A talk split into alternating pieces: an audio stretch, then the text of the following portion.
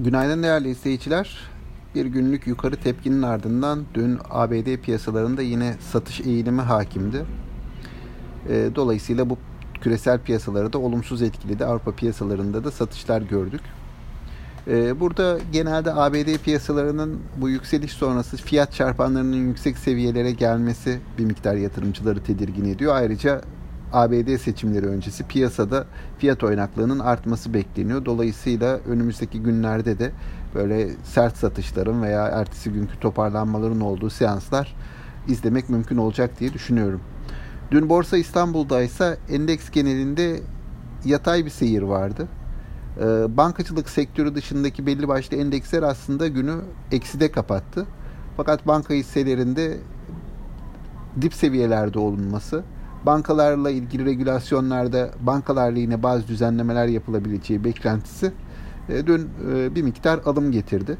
Aslında alımlar hisse başına yüzde ikiler üçler seviyesine de yükseldi ama sonrasında muhtemelen kurumsal yatırımcı kaynaklı hacimli satışlar gördük. Dolayısıyla banka hisseleri günü ancak yüzde bir civarında bir artışla kapatabildiler diye izledik.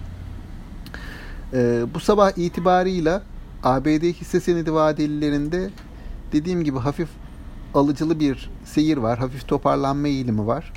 Yine Asya piyasalarında %0.5 0 %0.5 ile %1 arasında bir artış var. Ancak bunlar gün içerisinde kalıcı olmayabilir. E, bu aralar dediğim gibi daha oynak bir e, borsa seansı izliyoruz yurt dışı tarafta.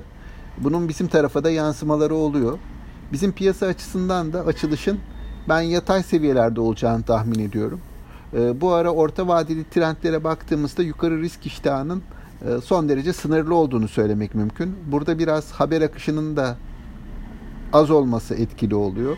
Gündemin bir miktar e, jeopolitik risklere kaymış olmasının da etkisi var. Ancak aşağı doğru düşüşlerde de e, bu seviyelerin bir süredir bir destek seviyesi olarak değerlendirildiğini söylemek mümkün.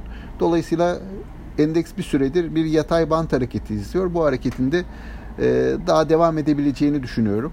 E, güne yatay bir e, seyirle başlanacağını tahmin ediyorum. Tüm yatırımcılara sağlıklı, bol ve bereketli kazançlı günler dilerim. Hoşçakalın.